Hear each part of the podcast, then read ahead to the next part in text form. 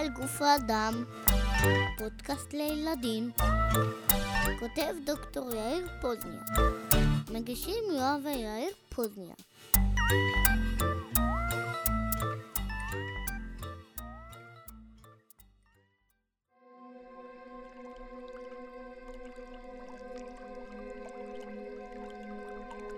בפרק הקודם של מסע הגוף האדם, אני ואבא יצאנו להפלגה בים, איזה כיף! למדנו על השפעה של ההפלגה בים על הגוף, ואני חליתי במחלת ים, זאת אומרת יואב. אבל היא עברה די מהר.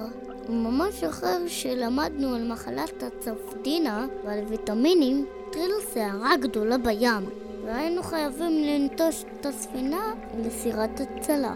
ועכשיו אנחנו מפליגים המון זמן, ומחכים שיצילו אותנו.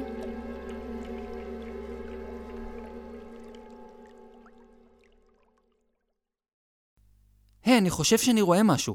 שם באופק יש מין מוט כזה שיוצא מהמים. בוא נחתור לכיוון שלו. זאת צוללת של חיל הים! בוא נקפוץ אליה.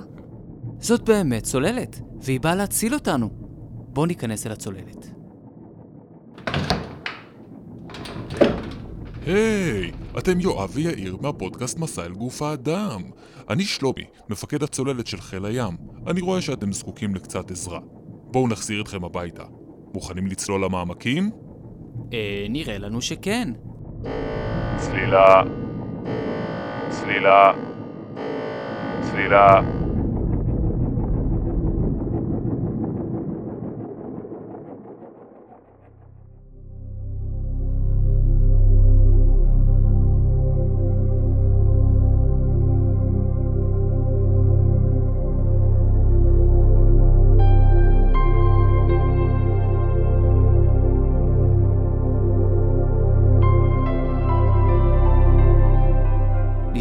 מתחת למים זו לא פעולה קלה בכלל.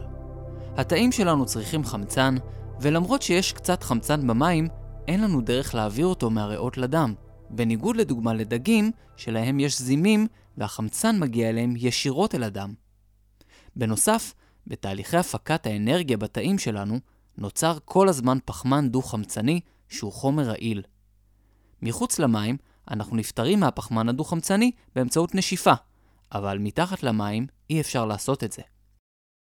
בכל זאת, יש כל מיני דרכים שבהן בני אדם יכולים לשהות מתחת למים. צלילה חופשית היא ספורט שבו הצוללים מנסים לעצור את הנשימה ולרדת אל מתחת למים. אנשים מבוגרים יכולים בדרך כלל לעצור את הנשימה לכמה שניות, עד בדרך כלל דקה או שתיים. צוללים מנוסים מאוד מרבים את הדם בחמצן לפני הצלילה ומנקים אותו מפחמן דו-חמצני, והם יכולים לשהות יותר זמן מתחת למים בלי לנשום. השיא העולמי לצלילה חופשית הוא 22 דקות, שזה המון. אבל שימו לב לאזהרה חשובה. אף פעם אל תנסו לעצור את הנשימה ולהיכנס מתחת למים. לא באמבטיה, לא בבריכה ולא בים. כל האנשים שעוסקים בצלילה חופשית הם ספורטאים מנוסים, אבל לכם זה יכול להיות מאוד מאוד מאוד מסוכן. חוץ מאשר החוסר בחמצן, שהייה מתחת למים ללא ציוד מתאים מציבה אתגרים נוספים. ככל שצוללים יותר עמוק, הטמפרטורה הולכת ויורדת, כמות האור הולכת ויורדת, והלחץ של המים הולך ועולה. במקרה של גוף האדם, לחץ הוא הכוח שמפעילים אוויר או מים על הגוף שלנו.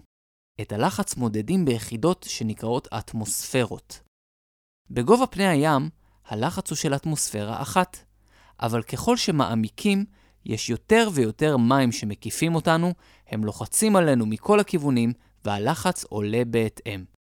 בעומק של 20 מטרים, הלחץ כבר גבוה פי שלושה מאשר בגובה פני הים. הלחץ הזה מסוכן, בעיקר לחללים בגוף שמלאים באוויר, למשל הריאות, האוזניים ומערות האף, ועלול לגרום להם להתכווץ ואפילו לקרוס. לכן, צלילות שהן לא בתוך מבנה מיוחד כמו צוללת, דורשות ציוד מיוחד. חליפת צלילה שמבודדת את הצולל ומגינה עליו מפני הקור, מסכה עם פנס ומכלי אוויר שמזרימים אוויר לריאות בלחץ המתאים לעומק שבו הצולל נמצא. הצלילה הזאת נקראת צלילת סקובה, והיא מחייבת רישיון והדרכה מיוחדת. בנוסף, כל צוללי הסקובה צוללים בזוגות, כדי שאם קורה משהו לאחד הצוללים, חברו יוכל לסייע לו. עבודת השרירים של הצוללים היא גם משמעותית. כדי להתקדם בתוך המים, הצוללים משתמשים במשקולות מיוחדות וסנפירים. התנועה בתוך המים היא יותר קשה, מכיוון שהמים הרבה יותר דחוסים מהאוויר. אז מזל שבנו צוללת שתגן על מי שרוצה לצלול עמוק. הצוללות הראשונות נבנו כבר לפני כמה מאות שנים, והכילו אדם אחד או מספר מצומצם של אנשים. הצוללות של היום הם כלים מתוחכמים ביותר. יש להן צורות שמאפשרות להן לנוע במים ביעילות, וגוף חזק שיכול לעמוד בלחצים הגבוהים בעומק הים. בתוך הצוללת יש מכונות שיכולות לשאוב מי ים ולפרק אותם בתהליך כימי ליצירת חמצן לאנשי הצוות, וגם לסלק את המלחים כדי להפוך את המים לראויים לשתייה. צוללת יכולה להיות מספר חודשים בצורה כזאת מתחת למים. איך האנשים בצוללת לא משתעממים? קודם כל, הם עובדים רוב הזמן בתפקידים שלהם. יש מפעילי מנועים, יש מפעילי מקם, שזה המכשיר שמגלה איזה כלים יש בסביבה, ותפקידים נוספים. וכשהם לא במשמרת, יש להם טלוויזיות ומשחקים. כשהם בתוך הים, הם בכלל לא רואים שמש? לא, ויכולה להיות לזה השפעה משמעותית על הגוף. אתה זוכר איזה ויטמין נוצר בתגובה לאור השמש? ויטמין D. נכון. וכשאין חשיפה לשמש, נוצר פחות ויטמין D בגוף של אנשי הצוללת, וזה יכול להשפיע להם על תפקוד העצמות. לכן חשוב שהם יקבלו את תוספי התזונה המתאימים. אתה יודע שמחקר אחד מצא שהספיקו שישה ימים של אור שמש כדי לחדש את מלאי ויטמין D של ימאים בצוללת שצללו במשך 49 ימים.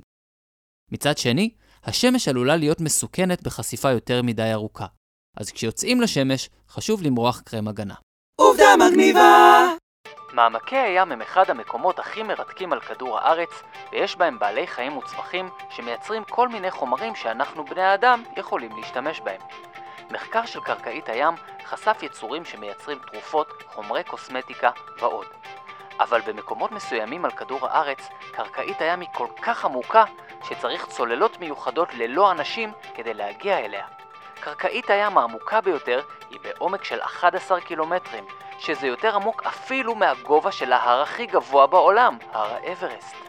בגלל כל האתגרים שציינו בפרק הזה, אנחנו עדיין מאוד רחוקים מלגלות את כל מה שיש לקרקעית הים להציע לנו.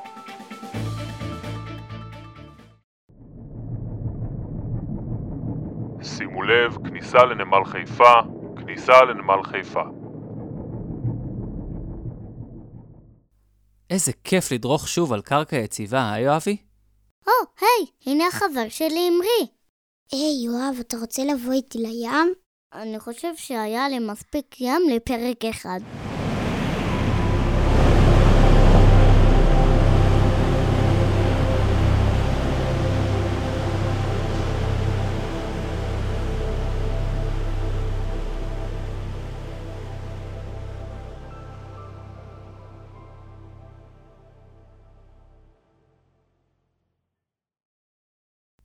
אז מה למדנו היום?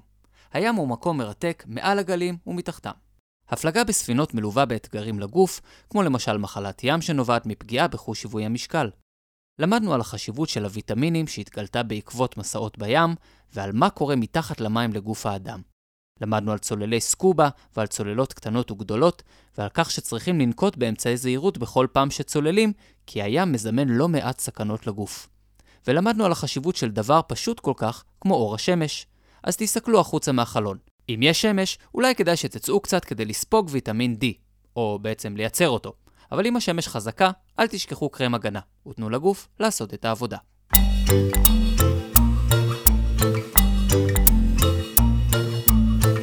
זה היה מסע אל גוף האדם. אני דוקטור יאיר פוזניאק. פרקים נוספים באתר הבית שלי, ypscience.com